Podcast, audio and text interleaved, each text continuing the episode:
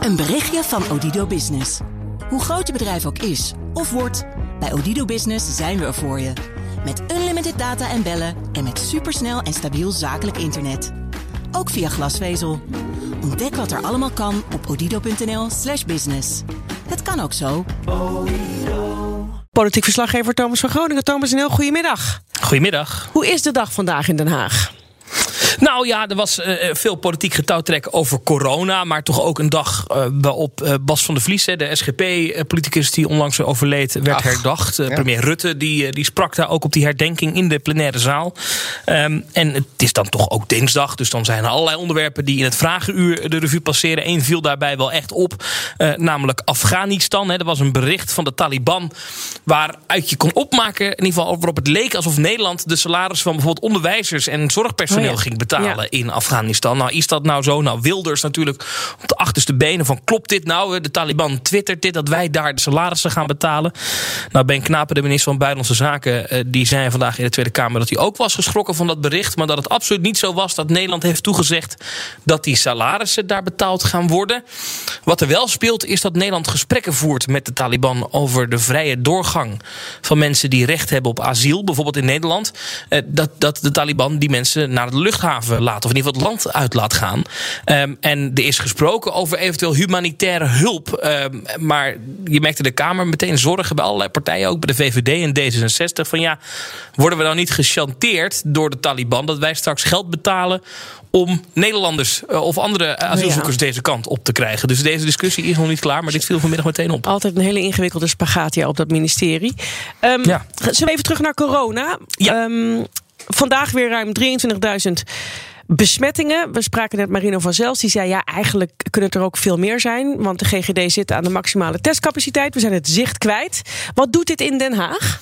Ja, toch uh, hoor je nog een beetje gelatenheid hier. Ook na gisteren dat het kabinet had gezegd... ja, we kijken het de komende dagen even aan. Dan moet die kentering zichtbaar zijn. Nou, die is nog niet echt zichtbaar. Je kan spreken van een afvlakking. Maar er is niet helemaal duidelijk of die afvlakking nou komt...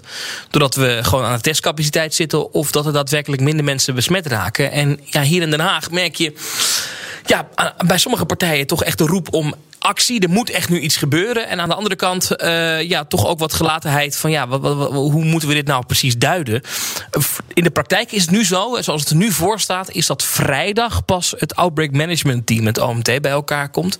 Dat het kabinet dan pas volgende week uh, echt besluiten neemt over hoe nu verder. Volgende week vrijdag, 3 december. Ja. Dat was de persconferentie die al aangekondigd was. En wat interessant is, Roos, is dat het kabinet had gezegd, en daar gaat de bel. Ah, je, uh, moet vergaderen, Thomas. ja, ik moet gaan, jongens. Sorry, dit was het. Nee, maar uh, dat het kabinet had gezegd vanaf 3 december. Dan, hè, we hebben nu die tijdelijke maatregelen, zoals de, de horeca die eerder dicht moet. Dat houdt op 3 december. En daarna komen we bij u terug met 2G. Nou, ja. vandaag was er een procedurevergadering hier van de commissie uh, met de Kamerleden. Die gaan over dat 2G. Gaan, wanneer gaan we die wet nou behandelen? Ja, en dan wordt toch duidelijk dat de Tweede Kamer pas volgende week op zijn vroegst daarover kan stemmen. Volgende week donderdag dan waarschijnlijk op zijn vroegst. Dan moet echt niks meer misgaan. Nou, dat is ook niet heel waarschijnlijk. Dus, dus die persconferentie volgende week vrijdag, ja, dat is nog niet het moment waarop het kabinet kan zeggen: we heffen de maatregelen op, we gaan over nee. naar 2G. Maar sowieso, ik las dat gisteravond, geloof ik, kwam de Raad van State met het advies over die, die wet die die 2G mogelijk zou moeten maken. Die plaatsen nog wel wat kanttekeningen erbij ook. Dus je zou kunnen zeggen, misschien is, even los van wat je vindt van zo'n 2G, uh, extra tijd misschien niet een heel gek idee. Nee, precies. En dit zijn ook de gesprekken die je hier hoort. Ik sprak bijvoorbeeld vanmiddag Adje Kuiken van de Partij van de Arbeid. Een partij die belangrijk is om 2G tot een meerderheid te helpen. Omdat zij ook zetels hebben in de Eerste Kamer. Daar oh ja. moet het kabinet ook nog een meerderheid halen. Nou, luister even naar wat zij hierover zei. Nee, we zijn überhaupt te laat. Want we zien uh, dat de Nederlandse Zorgautoriteit al aangeeft dat uh, noodzakelijke zorg uitgesteld wordt. Dat patiënten al in Duitsland worden opgenomen. Uh, dus we zitten nu al in een situatie dat er veel hardere maatregelen nodig zijn om erger te voorkomen uh, voor de toekomst.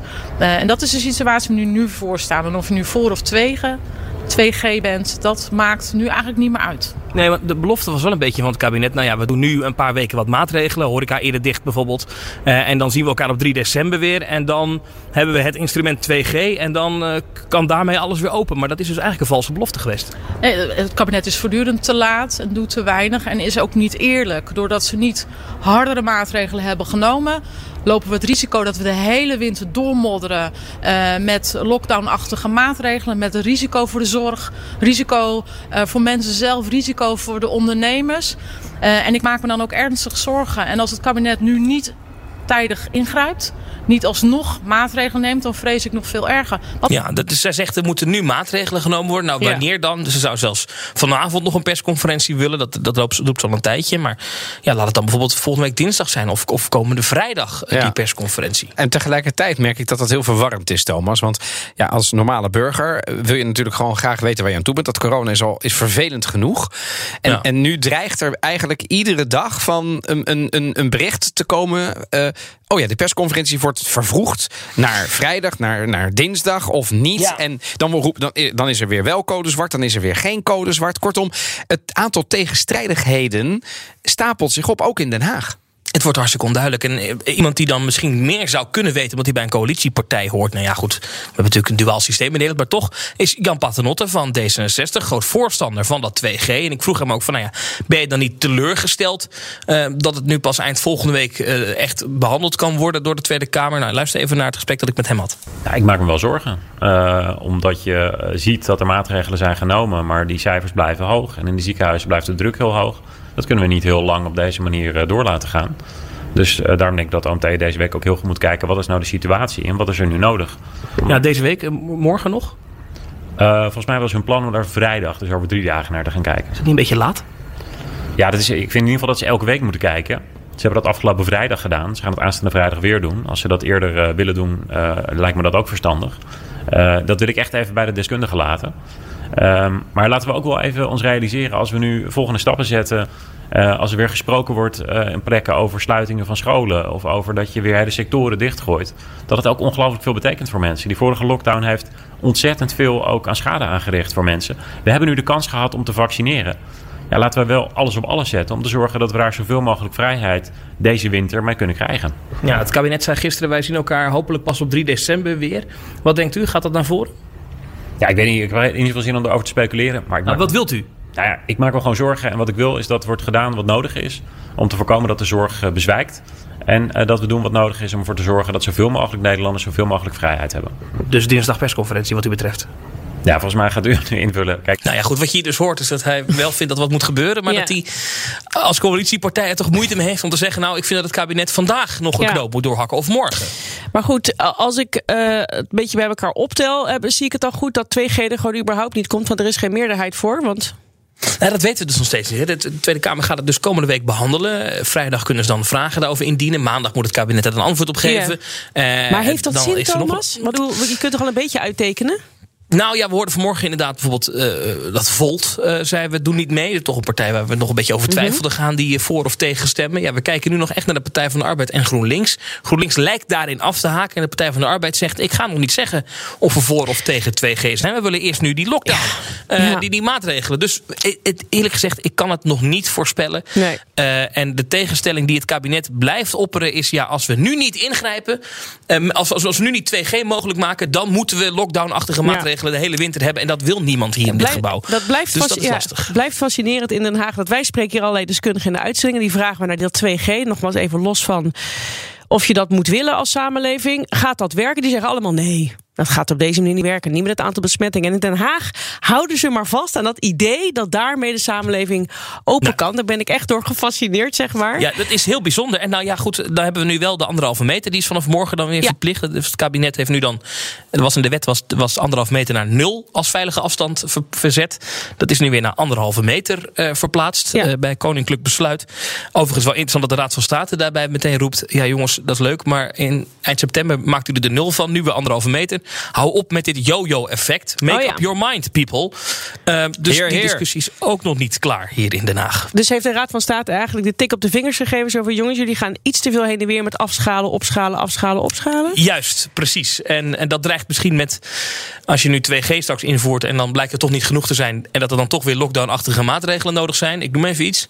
Ja, dan krijg je weer een yo-yo effect. En dat wil Ja. men in Den Haag ook voorkomen. Dus kortom, het is heel ingewikkeld, dat weet iedereen ook. Maar eh, het maakt het voor de, ons als journalisten, maar ook voor het publiek om dit te volgen hoe Den Haag nu uiteindelijk besluit wat er nodig is, is, Ja. is ontzettend ingewikkeld aan het Ja, worden. het is sowieso, Thomas. Wij kregen vandaag dus het nieuws binnen van die anderhalve meter. Dat die verplichting terugkomt. En toen moesten we allemaal hier, en we zijn toch allemaal journalisten. die allemaal meerdere kranten per dag lezen, et cetera. Deskundige spreken. Hé, was het er nou al wel? Of was het er nou niet? Moest je dan er echt even checken?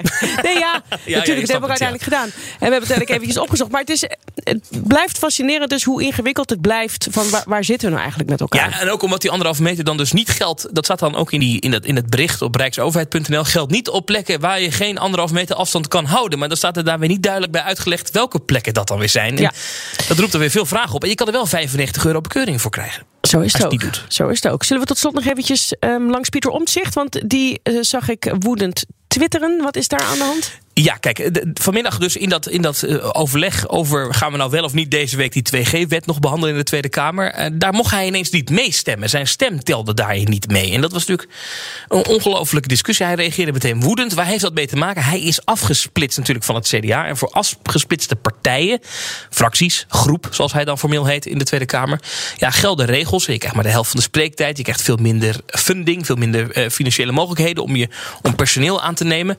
Maar hij kan dus formeel ook geen lid worden van commissies. En daardoor kon hij nu ook niet meestemmen. Maar hij dacht van wel, omdat een bepaald coronaprotocol werd gebruikt... waarin dat dan in theorie weer wel zou kunnen. Nou, hij reageerde woedend op dat moment. Hij heeft er ook boos over getwitterd. Ik geloof dat inmiddels het wel weer uitgepraat is. Maar ja, het blijft een, voor hem een lastig punt... dat hij dus afgesplitst is. 342.000 mensen op hem gestemd hebben. Dat hij eigenlijk maar een half Kamerlid is. En dat zit hem heel hoog. Zeker als het gaat om dit soort belangrijke wetten als 2G. Waarop hij dan eigenlijk niet echt invloed kan uitoefenen. Is dat ook weer duidelijk? Ik wil nog even één ding aan je vragen. Want ik ben, nou, zoals ik net al zei, het is ingewikkeld en er komt veel op ons af. Ik zie nu dat de Telegraaf schrijft dat het kabinet de persconferentie vervroegt. Ehm, die voor 3 december gepland stond naar aankomende maandag of dinsdag. En daar liggen dan alle maatregelen op tafel. Geen Dit zong wel rond vandaag hier in het gebouw. Had ik nog niet bevestigd gekregen. Ik begrijp de Telegraaf dus wel. Nou, interessant. Ik ga mijn agenda vast eh Ja, omgooien. ze hebben een bron bij het kabinet. Ik weet niet of het meerdere bronnen zijn. Maar goed, dit is, eh, ik dacht ik geef het nog even mee. Ik ga ze gelijk bellen. Als ik meer weet, hoor je meer van me. Top. Thomas. Dankjewel. Voor nu. Joe, Dankjewel. Een berichtje van Odido Business. Hoe groot je bedrijf ook is of wordt, bij Odido Business zijn we er voor je.